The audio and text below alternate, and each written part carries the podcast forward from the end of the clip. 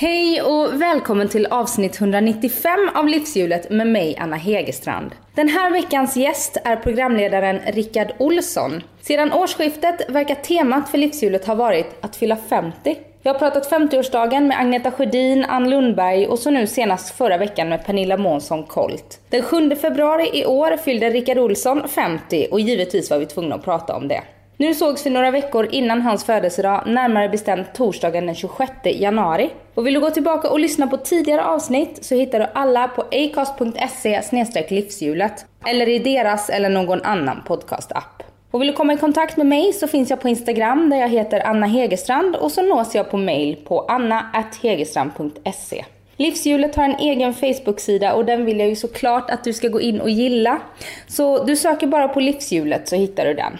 För distribution av podden står som vanligt Acast och klippt avsnittet det har Kim Wirsén gjort. Nu Rickard Olsson, varsågod.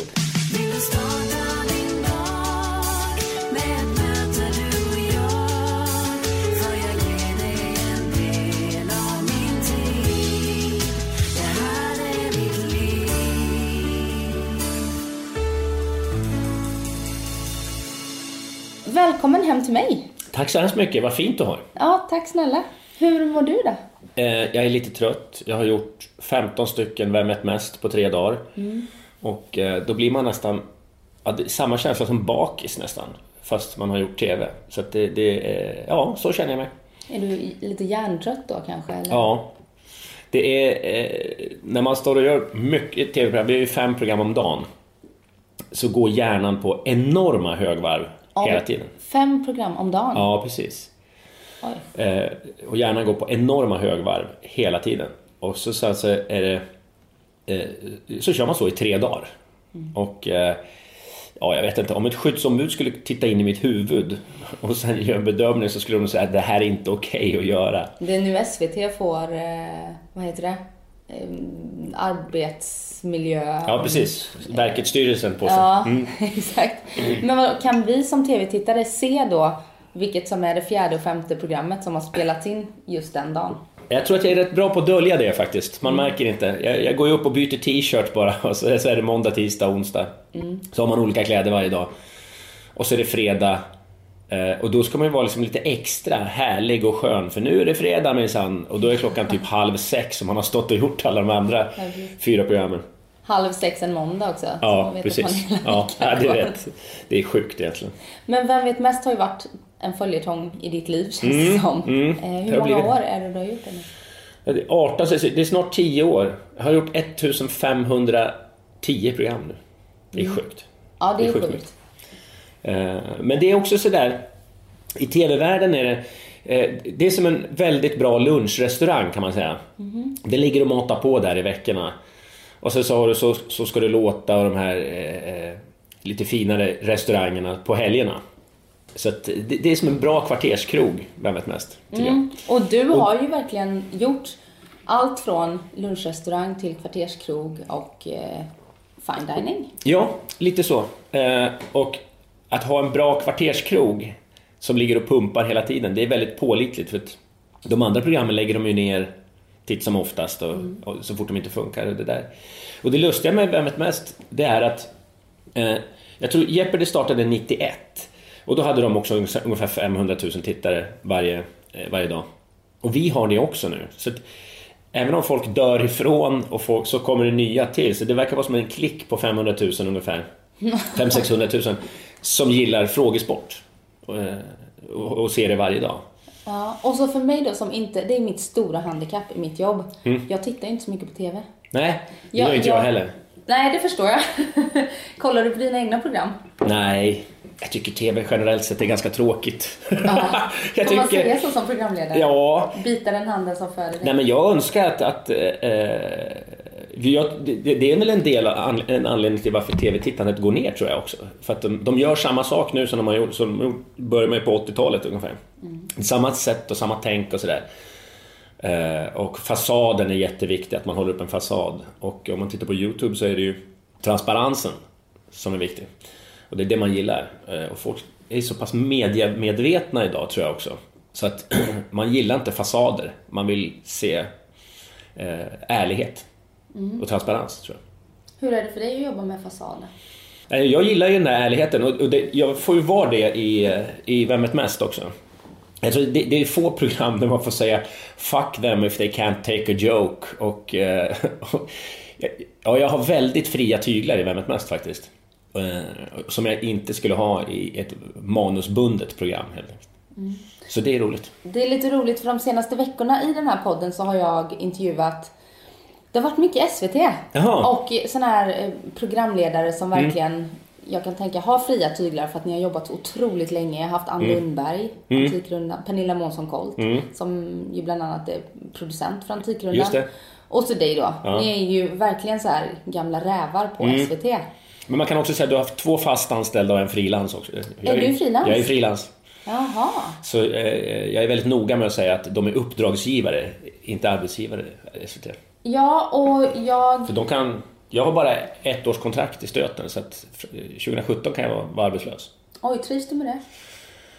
Både och. Eh, jag, kan tycka att en, det är en enormt osäker situation. Eh, för det räcker att det kommer någon ny chef som bara säger nej men den där killen, det är dags att byta ut honom nu. Ja men varför det? Jo, vi tycker det. Jag tycker det. Du var ju Då- med om det bara här för... Men Vasaloppet? Ja, med Vasaloppet. De bytte ut dig mot Brita Zackari. Ja, precis. Eh, och då blev jag lite ledsen för att jag inte fick åka Vasaloppet. Men jag blev jätteledsen över hanteringen för att eh, jag har byggt upp det där under sju år. Och så hade vi 170 000 pers som tittade 12 timmar på en kille som åker i Vasaloppsspåret. Och det är ju sjukt ju. Och då handlar det ju inte bara om att man åker i Vasaloppsspåret. Utan det handlar ju om att man, jag åker och pratar med finnar och norrmän och holländare och akademiker och bondläppar.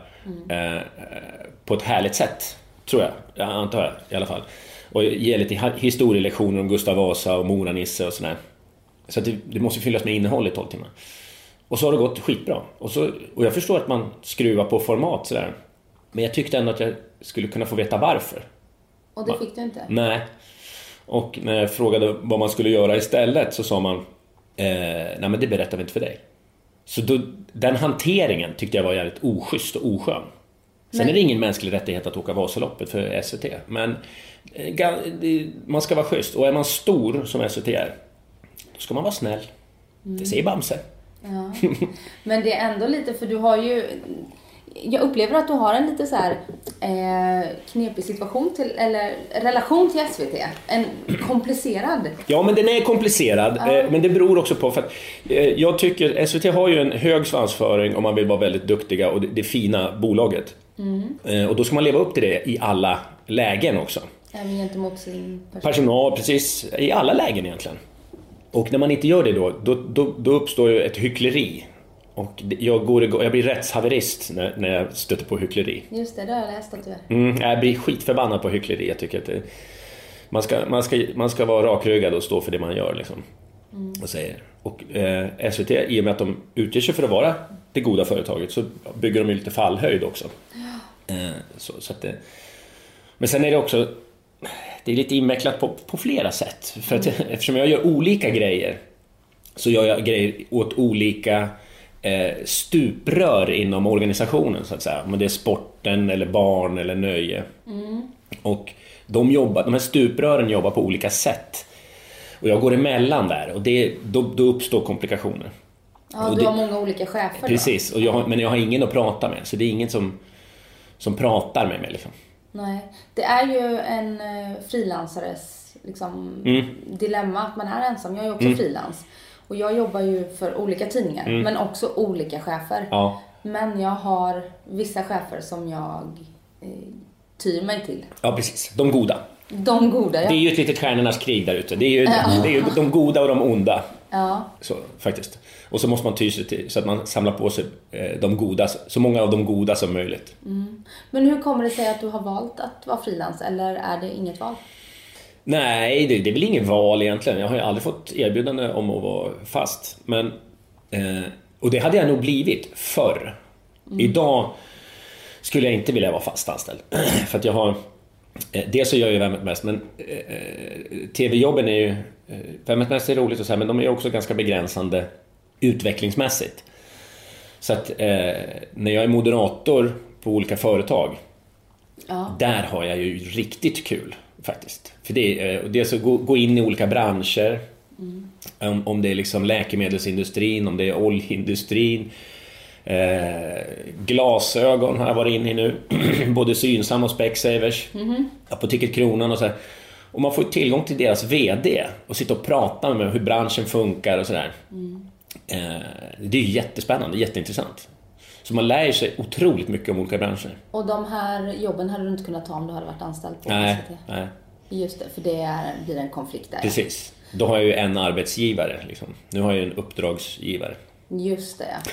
Sen får väl inte kanske de här reklamerna, eh, om du medverkar i någon reklam, får inte, nu har ju inte SVT någon reklam, men det kanske inte får vara någon stor kampanj samtidigt då som du, Nej, precis. Melodifestivalen som du har gjort. Precis.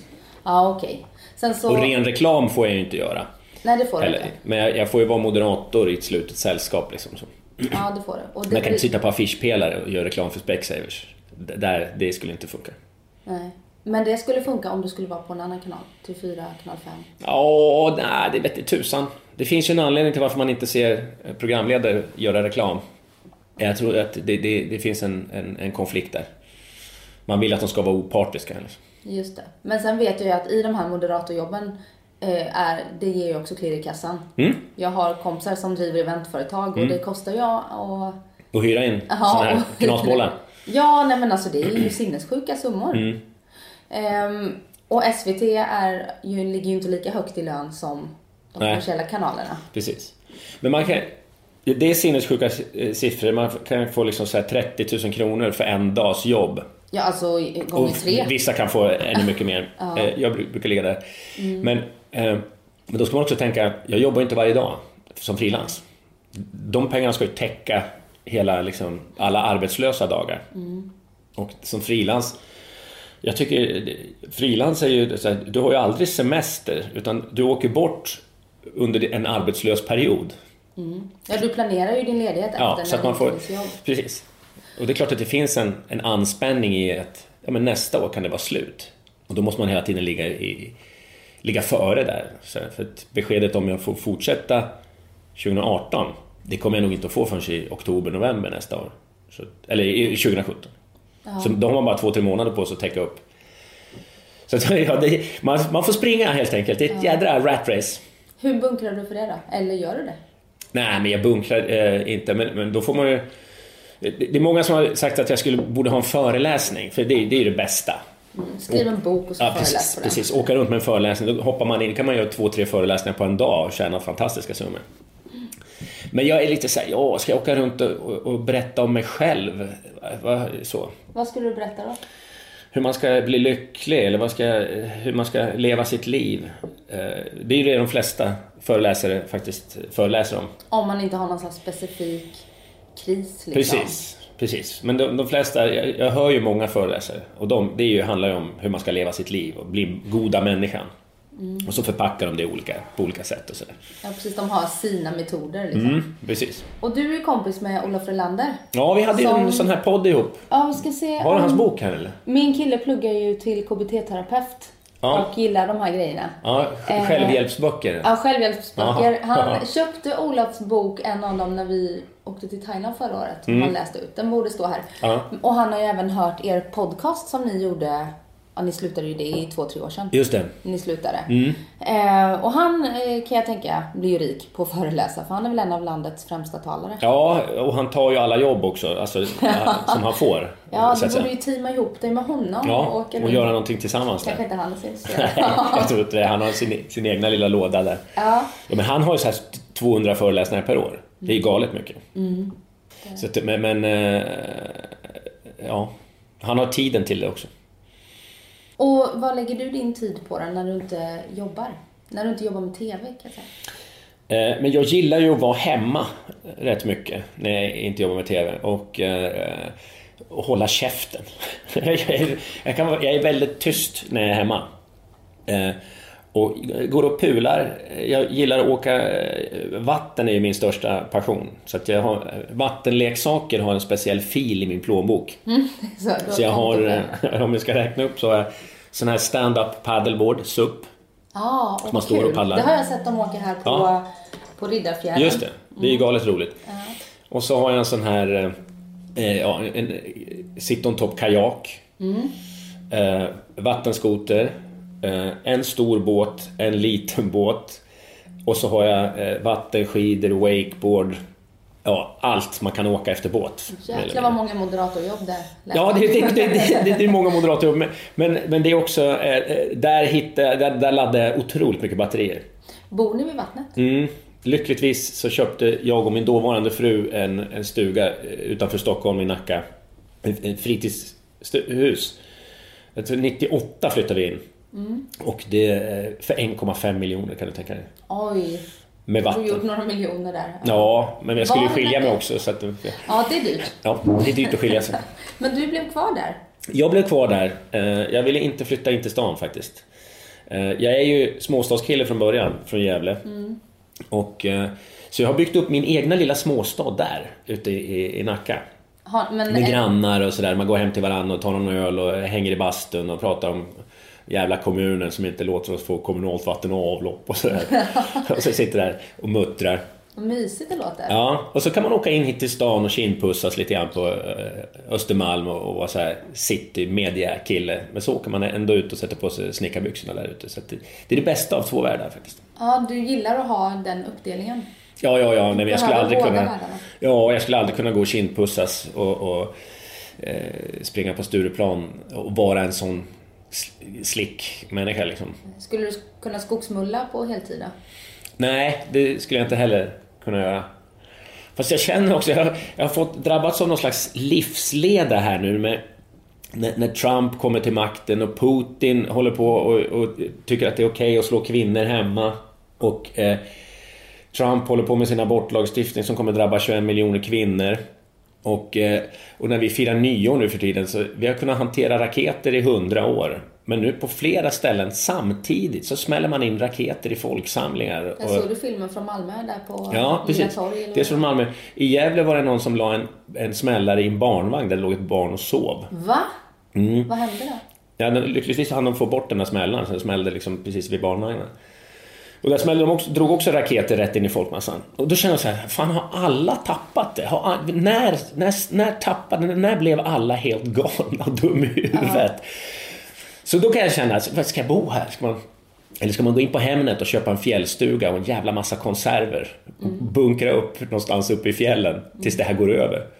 Det tänkte jag med när det var det här eh, när det var förhöjd eh, säkerhetsrisk i, Mm. i Sverige och med terrordåden och det där. Här i Stockholm är ju, om man tänker i Sverige då, Mm. kanske störst eh, risk att hamna mitt i en terrorattack. Ja. Varför, varför bor man här? Mm. Mitt i stan. Precis typ nästan vid, vid riksdagen. Ja, ja nej, men det, det och, och, och det är också hemskt för vi blir mer och mer oroliga. Och man blir, när hela samhället blir oroligt då saknar man tilliten till varandra också. Eh, och då blir eh, eh, You're on your own motherfucker. Och då blir det nästan till slut som att folk börjar rusta sig själva med larm och ståldörrar och kanske skaffa vapen. Alltså det, blir- det, det är en otroligt tråkig trend, tycker jag. Just den där oron som sprider sig. Och så ska man rusta sig mot oron. Och även när jag tänker på, jag har en 14-årig dotter liksom. Vad kommer hon att växa upp i? Ja, man får nästan lite dåligt samvete när man inser att man har satt barn till världen. Ja, fast, fast jag tror också, till slut kanske det blir så att, eh, att folk bara ger upp och skiter i all- alltså, ja, men jag går och påtar i min trädgård. Så får ni hålla på där ute. Ja, men det ser man ju. Det finns ju en trend med det här självförsörjande Mm. så. Det är lite som eh, Voltaire sa det. Odla din trädgård. Ja. Och så får de andra hålla på med sitt. Ja, nej, jag vet inte. Det är, det är lite deppigt. Jag har drabbats av en livsleda, som sagt. Ja, Efter nyår här. ja, det är så. Ja. När det kommer till, till eh, din egen ålder och där du är i livet. Det är också så här, inte nog med att jag har träffat väldigt många SVT-profiler. Alla ni fyller eller har precis fyllt 50. Är det så? Ja. det säger ju också en del om SVT. Ja, ja men precis. Jag hade faktiskt Agneta Sjödin också från Ja. Mm. TV4 som fyller 50 i sommar. Och när den här podden släpps så har du precis fyllt 50. Just det. 7 februari. Ja, 7 februari. Ja. Rickard har namnsdag då. Ja, det är så. Du fyller på din namnsdag. Ja, mamma orkar inte Smidigt. bara titta i almanackan peka vilket namn hon skulle ha. Det är därför det blir. Ja, precis. Och hur, hur eh, ska du fira 50-årsdagen? Eh, ja, jag, det är, 50-årsdagen kommer nog att passera, det är en tisdag tror jag det. Så den, den kommer, deppigt. ja, det kommer bara vara någon sån här, den kommer passera hyfsat omärkt. Min, mina föräldrar kommer ner från Gävle och så ska vi bli med middag hemma. Och sen ska jag eh, bjuda en 10-15 pers nära och kära på, på restaurang. Ska vi sitta och käka där och, och hänga. I, I samband med det, till helgen där. Det är planen. Och sen så ska jag börja rusta för en herrejösses eh, middag, eller fest. Ja. Jag tycker man är skyldig livet en fest när man fyller 50. Någon slags bokslut, de som har betytt någonting för en i, i, livet och sådär. Och Ja, bjuda dem på en fest. alla anledningar att fira. Mm, precis. precis. Men det är ju så jädra... Det är så bök med att göra det. Och hyra lokal och fixa. Ja, för att ha hemma är inte ett alternativ. Nej, nej, det, det, det, ska ju, det, det kommer ju att komma kanske flera hundra. Och hur stort bor du? Ja, jag bor, eh, bottenplattan är 80 kvadrat. Ja. Och så är det två våningar. Så det är 160. Och, så, och då, eftersom det är ute på landet då, så är det, det är ju tvättstuga och allting sånt i, i de 160 kvadraten. Så att det, det är inte så stort som man kan tro faktiskt. Nej. Men du hade någon sån här fade med kommunen om bygglov. Ja. Fick du igenom det? Slut? ytterligare en fade, ja. Eh, jag och mina fade. Jo, nej, men vi, jag fick igenom det. Och det var ju också så här konst, när det blir konstigt. Då, den förra kåken som stod där, den var en bottenplatta på 100 kvadrat. Ja, du har byggt om? Du har byggt huset Jag själv? sl- slog bort hela skiten eh, efter jag skilde mig. Ja. Och byggde Du nytt. bara, nu ska allt bort. Ja, nej, men det var också en gammal sommarstuga från 50-talet. Det var ju som en... Ja, det var ett hönshus mer eller mindre. Det blåste rätt igenom kåken. Så det, det, slog jag bort allting så byggde jag om den. Men om det står något där som, som skulle få stå hur länge som helst och så slår man bort det så får du inte bygga lika stort. Du måste bygga mindre. Det känner man ju så här, ja men varför det? Jag kan inte få bygga lika stort. Nej, du får inte göra det. Sånt där blir jag tokig på. Men kan du förklara varför? Nej, men det står här att du inte får. Ja, men Varför? det står ju ett hus på... Och då, ja, men, jag går igång så hårt på det va. Så då, då blir jag så här, ja men så jag får inte bygga ett nytt hus som är lika stort med, med bra värme och eh, ekologiskt på alla sätt och vis. Men jag får låta det här stå kvar och ta hit killar från Fryshuset som går över med graffiti eh, pistoler. Det får, det får jag göra. Ja, det får ni göra. Och så, men får jag, får jag bygga om det här huset då? Ja, fast då får du bara byta planka för planka. Ja, men om jag slår upp ett tält över hela huset, tar bort väggar och slår upp nya väggar. Nej, det får du inte göra. Du Får bara byta planka för planka. Och du vet, man blir ju tokig va. Och jag höll på med henne så mycket, den här handläggaren. Så till slut så berättade en granne att hon hade åkt ut och fotat mitt hus. Så att hon skulle kunna se om jag hade svartbyggt eller inte. Så hon dokumenterat. Och då blev jag helt tokig. För då blev det så här, ja men nu har ni rent liksom, gjort mig till en potentiell kriminell. Mm. Så ni har åkt ut för att jag även troligen kommer att göra ett brott. Det är det ni har gjort nu liksom. Är det så ni jobbar med alla maffiametoder? Ja, du vet.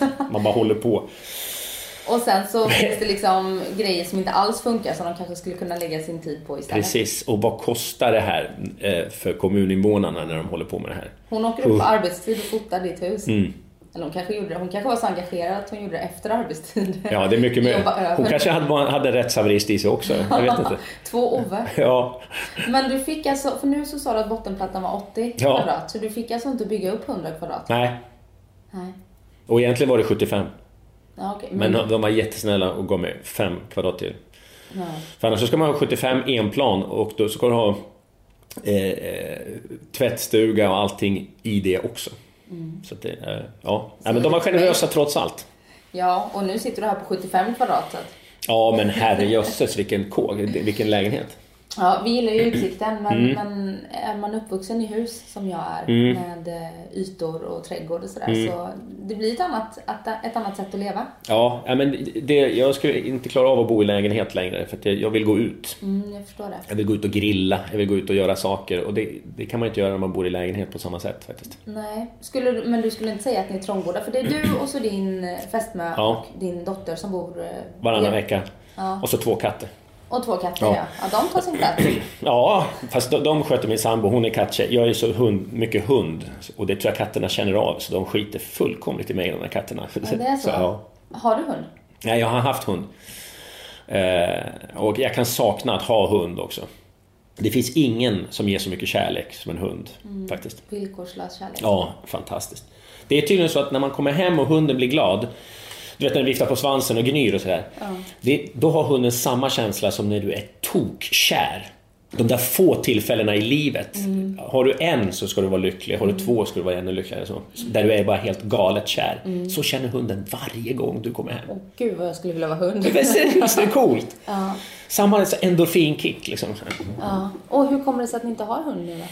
Eh, nej men, det, logistikmässigt funkar det inte. Jag reser för mycket, jag är borta för mycket. Eh, men Och din Eh, sambo vägrar dra lasset? ja, hon, det, skulle bli för tungt för henne också. Och hon är mycket mer katt än hund. Men jag, jag, jag vill ha en hund innan jag dör. det har jag sagt till mig själv. Men det känns väl eh, rimligt kanske? Mm, det tycker jag. Ja. Ja, och, och jag kan inte hålla på och flacka så här hela livet heller. Jag fyller 50 nu liksom. Hur länge kan man hålla på och åka ner fram och tillbaka till Göteborg och eh, på sådana företagsgig runt om i Sverige. Så när, man, när jag eh, lugnar ner mig jobbmässigt, då kommer det att passa bra med hund. Ja. Hur, när tänker du att du vill göra det då? Innan jag dör. jag, jag vet inte, det där, det där får väl vara en känsla som smyger sig på. Ja. Du är ingen Just sån som gillar att planera för två, fem år. Sätta upp mål för livet och sådär. Utan du tar dagen som den kommer. Ja, ganska mycket tar jag dagen som den kommer. Men jag, jag kan känna nu när jag fyller 50 att eh, det har varit liksom högre, snabbare, fortare framåt. Eh, och nu måste man bara stanna upp och kanske börja betala av lån och så här, ja, men nu har jag kommit hit, nu, får vi ta hand om det här. Lite så. Men du, Vårda det man har. Inte göra högre, snabbare, bättre hela tiden. och jaga efter mer. Precis, inte jaga efter mer utan ta hand om det. Men du lever ju, din sambo är ju ganska mycket yngre än dig. Hon är 18 år yngre. 18 år yngre. Så hon är 32 då. Mm. Eh, då är hon två, tre år yngre än mig. Ja, Och jag är ju fortfarande, upplever jag, i det här eh, att man jagar efter Ja, mer liksom. ja. Hur, hur får man ihop det då med en som vill stanna upp och, eh, eller stanna upp, men du förstår vad jag menar. men vi, har ju, vi har ju hängt ihop i, eh, i, i... Vi är inne på nionde året tror jag. Jag och Therese. Så, att, Grattis. det, så att det har, det har, vi har varit ihop länge. Men hon är liksom ingen karriärist på det sättet heller. Hon, hon vill gärna vara anställd och ha en fast lön och eh, tydliga arbetstider. Mm. Så jag tror hon skulle må jättedåligt av att vara frilans på det sättet och otrygg tillvaro. Hon vill vara ledig när hon Ja, är ledig och precis. jobbar. Och, eh, men så nu har hon börjat plugga på universitetet. Hon har varit barnskötare, men hon tyckte det är så jobbigt. Hon är så ljudkänslig, Therese. Så att hon, var helt slut när hon kom hem från jobbet. Ja, Mer trött än vad jag var när jag har gjort liksom 15 men mest på tre dagar. Så nu ska hon bli dietist, jag tänkt. Mm. Vilket jag tror är ett kanon framtidsyrke faktiskt. Ja, gud ja. Lyxigt för dig också att ha en dietist hemma. Eller hur? Ja. Tar du hand om din Det är jag som har sagt vad hon ska bli. Nej. exakt. jag har styrt henne Nu dit. gör du det. Ja. Nej men, eh, nej men det tror jag är skitbra. Dels är det intressant och dels, folk har ju hållit på och gått på gym och hållit i hälsotrenden väldigt länge och haft PT och sådär. Men nu tror jag folk börjar inse att ja, men, magrutor får man ju i köket, inte på gymmet. De säger att det är 80% som sitter i kosten och 20% Exakt. träning. Ja. Hur eh, tar du hand om din hälsa? Ja, det är periodvis. Jag, eh, så här har jag lagt upp det de senaste åren. Jag springer Göteborgsvarvet, Vasaloppet eh, och då tränar jag inför det så att jag håller mig så att jag klarar av de grejerna. Ja, de är utspridda på året då ja. Ja, precis. Mm. Så jag har det som mål och då måste man ju aktivera sig. Så det är löpning? Eh, Ja, löpning och lite cykel och gymma och jag gör allt möjligt. Men sen när jag inte har de där målen, då är det väldigt lätt att gå ner sig. Och sen tycker jag också när jag bor på hotell och man käkar de här jävla hotellhamburgarna och sitter där liksom i, ensam på någon restaurang, hotellrestaurang liksom. Då har jag också jättesvårt att motivera mig att gå och träna. ja, det är inte så att du går ner i hotellgymmet då? Nej, jag har jättesvårt att komma ner i hotellgymmet faktiskt. Så att, eh, men nu då, eh, när den här sänds, då är jag i full trim inför Vasaloppet. För jag ska ju åka Vasaloppet ändå, för Mix Megapol. Just det, med, med Malin. Ja, precis. Malin. Ja, ja, det blir jävligt skoj faktiskt. Ja. Så det, eh, då får jag ju ändå tjata med folk och, och prata med människor. Ja. ja Okej, så du har de loppen. Sen så vet jag att du har eh, färgat håret sen du var typ 28. Ja, det har jag Ja. gjort. Döden kom tidigt på besök. Var, var det för att du var gråhår, blev gråhårig? Jag blev då? gråhårig redan vid 28. Vi, vi vill gråhåriga tidiga i vår familj. Ja. Eh, Så att, och, då, och då kände jag mig så här, men jag, jag, jag känner mig inte som gråhårig. Nej. Och, så då började jag färga. Och sen har jag sagt att nej, men, när jag fyller 40 då, då, då släpper jag ut det gråa. Så blev jag 40 så bara, nej men jag känner mig inte gråhårig. Nej. Är det helt grått? Skulle det vara helt grått om du inte färgade? Ja, jag tror jag skulle se ut som eh, George Clooney eller någon sån här. Ganska silvrigt skulle det vara. Ja, eller Hasse Brontén? Hasse Brontén har ju släppt ut lite nu också. Ja. Är, är det helt silvrigt nu? Ja, det skulle jag säga. Men han är ju mörk. Väldigt Ja, mörk ja. i grunden. Jag tycker det är fint med grått. Ja, ja, alla säger att det är fint med grått, men jag, jag, jag är inte där mentalt Nej. än. Tror du du kommer dit Jag, mentalt jag någon måste gång? ju komma dit mentalt någon gång också. På ålderdomshemmet Ja. ska de färga ditt eh, hår. Ja, precis. Har, har du kört samma hårfärg? Nej, det, det är lite olika faktiskt. Eh, Men hon- är jätteduktig, min frisör Jenny. Vi satt också och pratade här om, när jag var där förra gången. Jag har gått hos henne i 17 år. Oj, samma. Så hon har fått tre barn och fått kille. Ja, men du vet, man, man har följt varandras livs, livshjulet, eh, livscykel liksom. Ni har lite att Eh, prata om dem. Ja, men det är roligt eh, sådär. Och hon, men hon har ju, hon tycker att jag ska, hon har ju länge tyckt att jag ska eh, spara ut det grå. Ja. Och hon har också tyckt att jag ska raka av hela skiten, släppa ut och bli flintskallig. Eh, bara för att testa hur, hur det ser ut. Har du testat det någon gång? Nej, jag är jätterädd för att eh, raka av mig allt. För det, tydligen är det så här, man vet inte hur, hur man ser ut. Nej, huvudformen. Eh, Exakt, det kan vara helt knörigt och knö, knöggligt och, och se fruktansvärt ut. Och så tar det jättelång tid innan man kan dölja det där. Ja. Och för mig är det också sådär, eh, ska jag stå i TV med ett knöggligt Det går min fåfänga för nära. Så jag, det, Ja, hur fåfäng är du egentligen?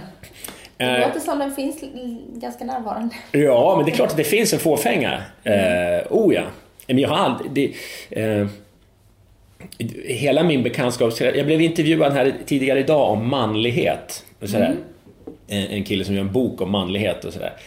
Och då sa jag det, att jag har så svårt att känna igen mig i den här mannen som man får beskriven för sig idag. Så att, eh, jag hade ju problem och jag tyckte det var läskigt att tanka när jag fick körkort. Och åka på, till brädgård och, och, och fråga efter brädor och snickare. Så här, otroligt obekväm. Jag är uppfostrad bara med kvinnor i princip.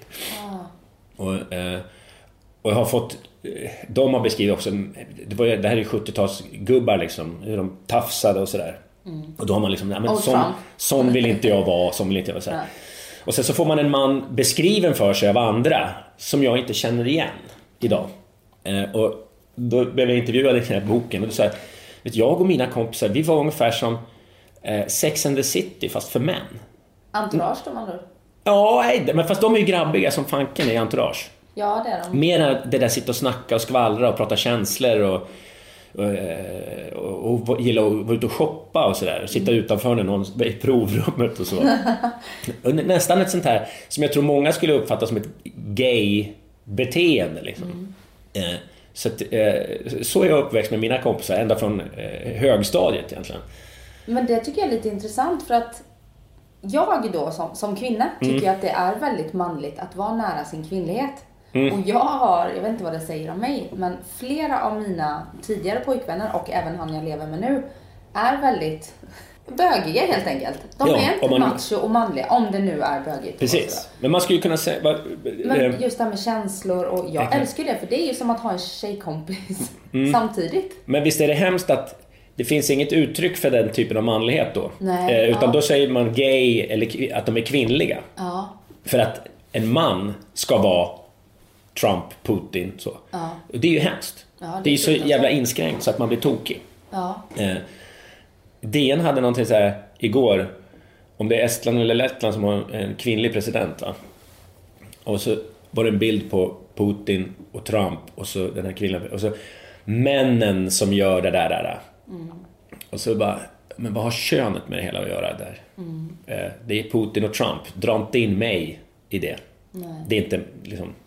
Det, det, det där är ju intressant att genustider som vi lever i faktiskt också.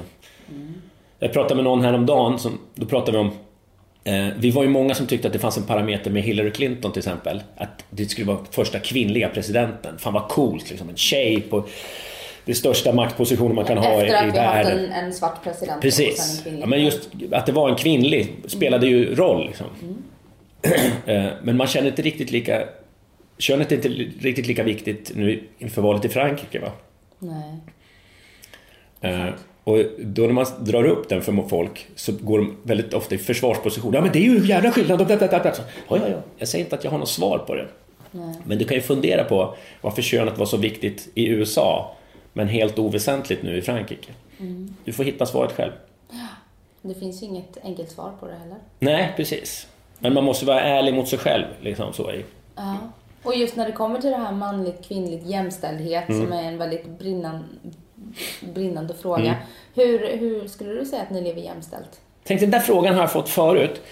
Och då, då, då ställde jag mig frågan till den eh, journalisten som ställde frågan. Och, för att, eh, det var en... Eh, det kanske inte spelar någon roll, men ändå, jag tror att det spelar roll. Det var en tjej på en kvällstidning som ställde frågan. Eh, troligen också på grund av att vi har en 18 års åldersskillnad. Och då frågade jag henne så här, ja men vad menar du med jämställt då?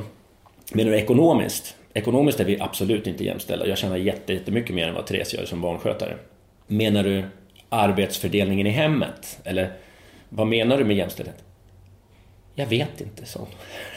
Oj, ja, ja, det är bra om man har en idé om vad Ja. jämställdhet är kanske. så vad menar du då? Jag menar, nu, jag kan ju berätta, beskriva min situation. Jag lever ihop med en man som är fem år äldre än mig. Vi har precis Mm. En mjuk man?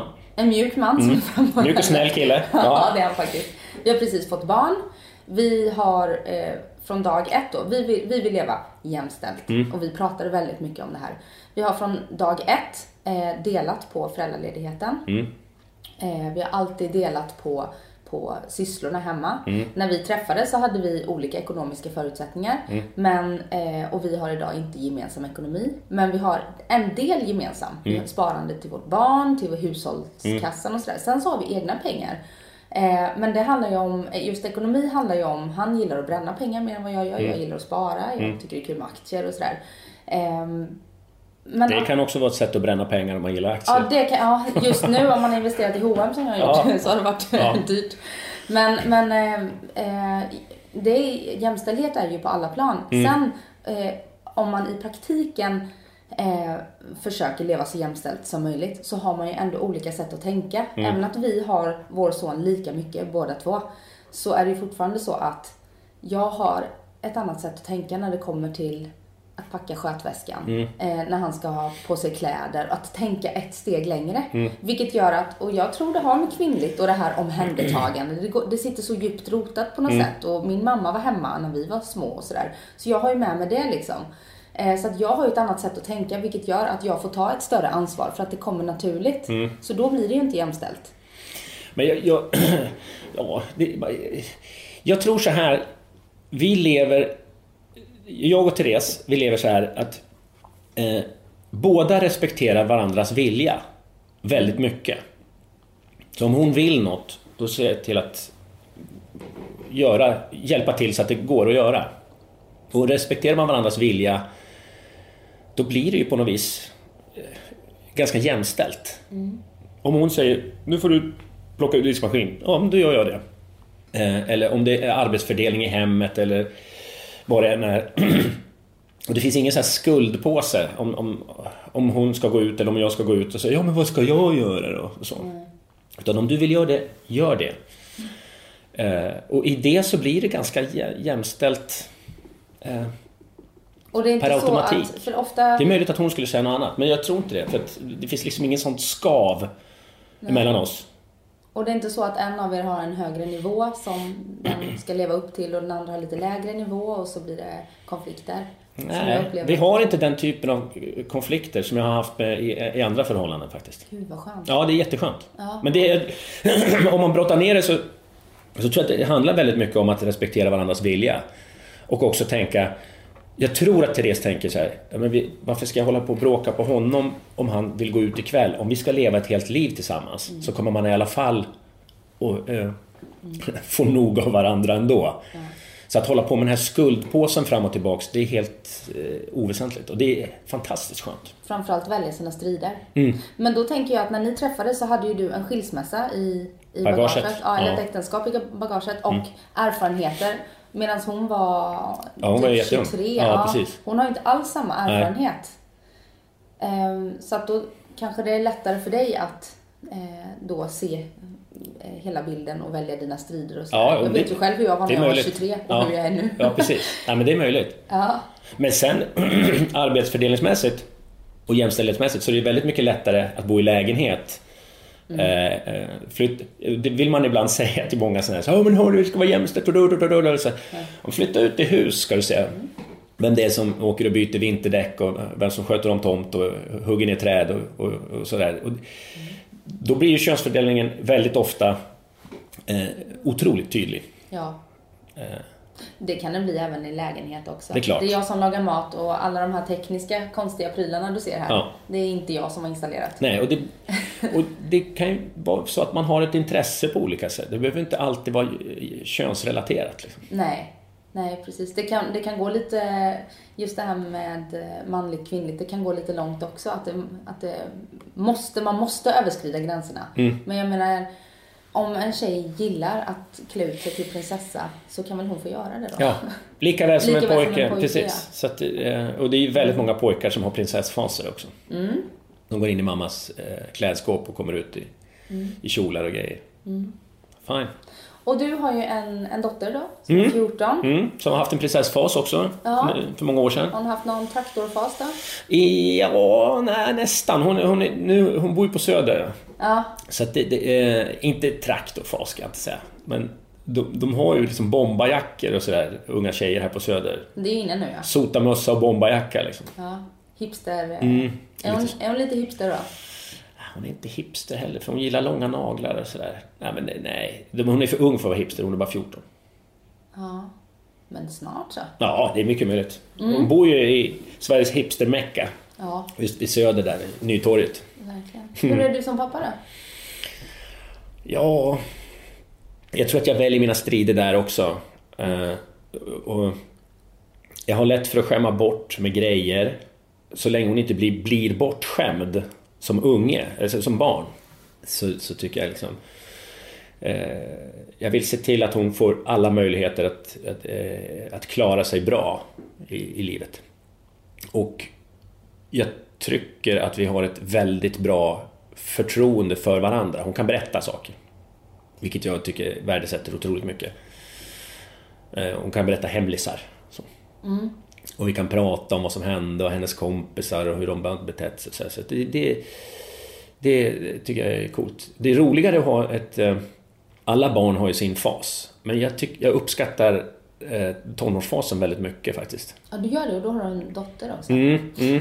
De brukar vara lite jobbigare än, än killar. Ja, det, Jag det, det, det är möjligt. Men, men, eh, nej, men jag gillar det. Man kan prata med varandra liksom och, och göra grejer på ett annat sätt än vad man... Man behöver inte ta hand om längre. Nej. Men det jobbiga är ju just att man inte att hon inte vill bli omhändertagen på samma sätt. Man får inga kramar längre på samma sätt. Och det gör ont tycker jag. Jag är är rätt fysisk. Jag gillar att krama, vara nära barnet. Eh, och när hon inte vill, liksom man bara, vad fan. Är det slut nu alltså? Lägg av då pappa. De ska flyga ut ur boet. Och det är också viktigt som förälder att man, man vet om det. Jag ska lära henne att flyga ut ur boet. Det, det är min uppgift. Inte hålla henne kvar. Hon ska klara sig själv. Den separationsångesten. Mm. Men, ja, jag, jag, ja, det är möjligt att det kommer att vara separationsångest. Men jag kommer ihåg när jag gjorde Bullen, ungdomsprogrammet för många, många, många, många år sedan. Vet att det har jag varit med i? Ja, var En du? brevfilm. Är det Ja, sant? var jag skådespelerska. Vad roligt. När jag var 14. Ja. Va, ja. Eh, men, men då, eh, när vi hade sex, sexualundervisning och sådär. Vi hade ju onanitid. Kan du tänka dig, klockan 19.00 en må- på måndagar. ja, folkbilden. Lärde man unga tjejer och, och killar att onanera liksom. Runktips till pojkar. ja, men du kan tänka dig, 19.00 SVT1.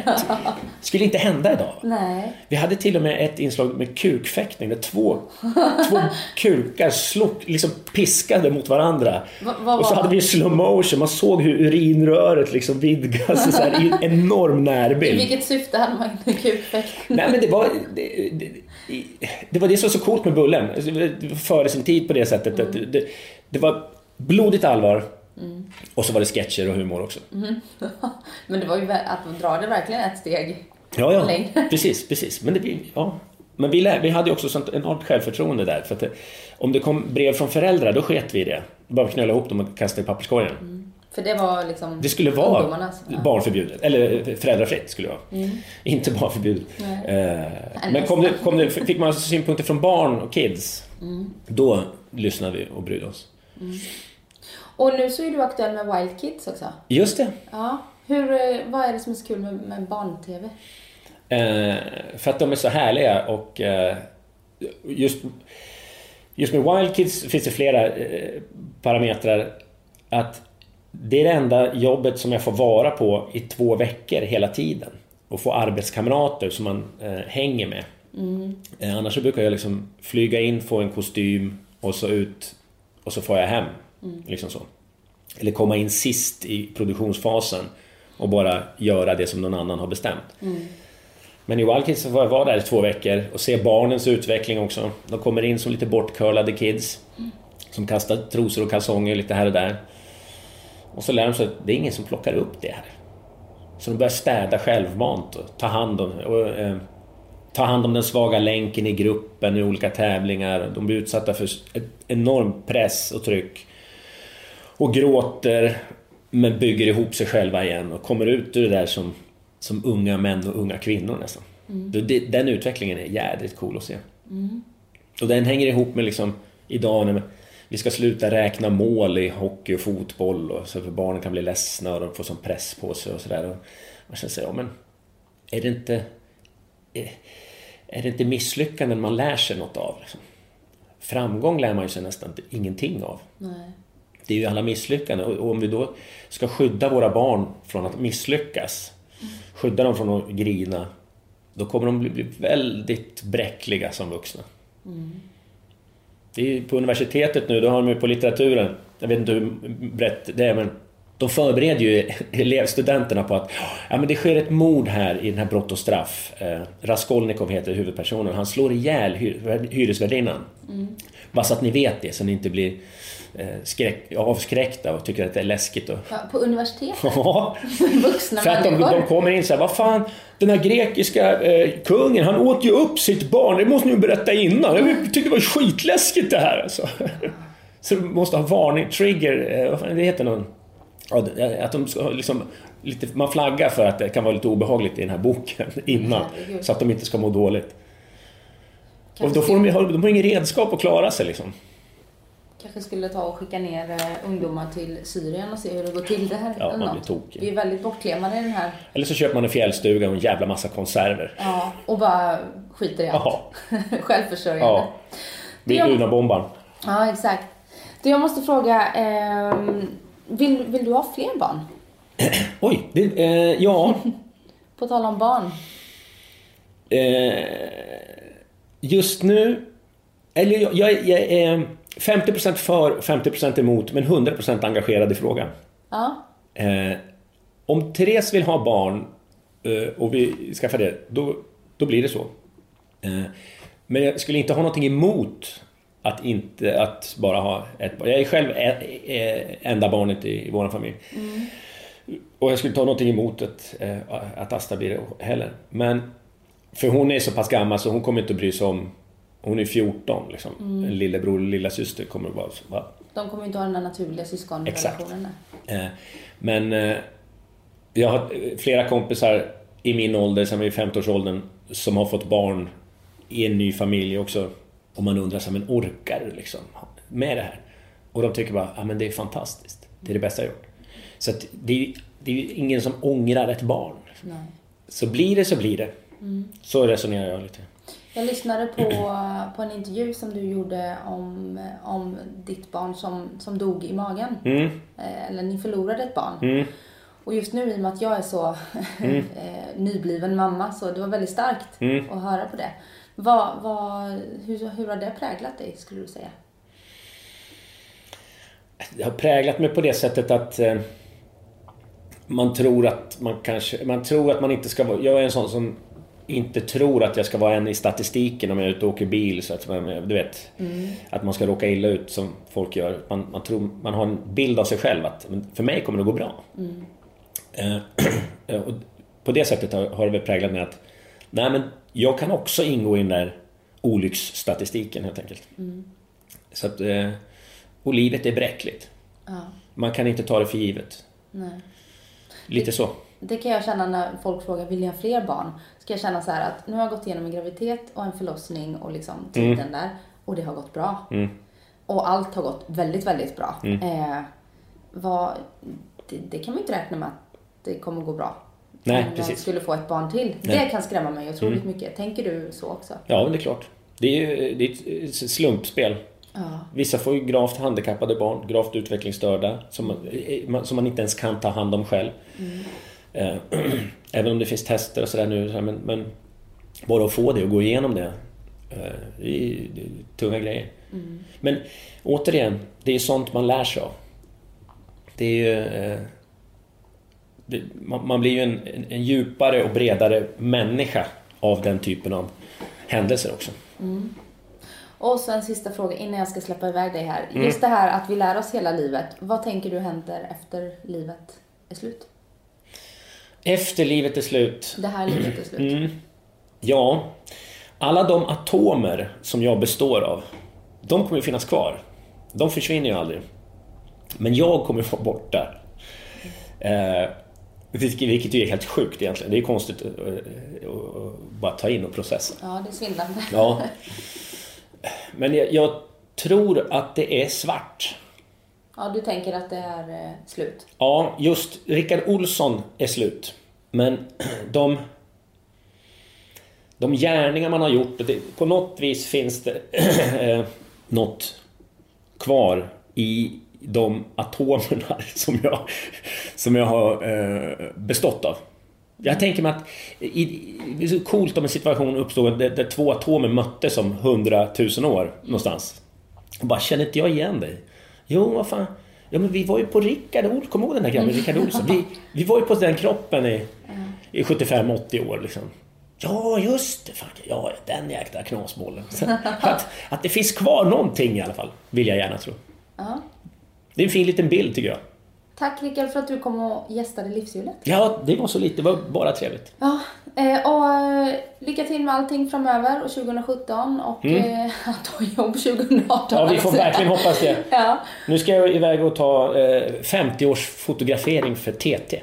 Oj! Ja. Där ja, stort! Eller? Det Ja. kommer nog inte många få göra när de fyller 50. Nej, det är stort alltså. Kanske får vara ett korsord också, vem vet? ha det bra nu. Tack så mycket. Hej! Hej.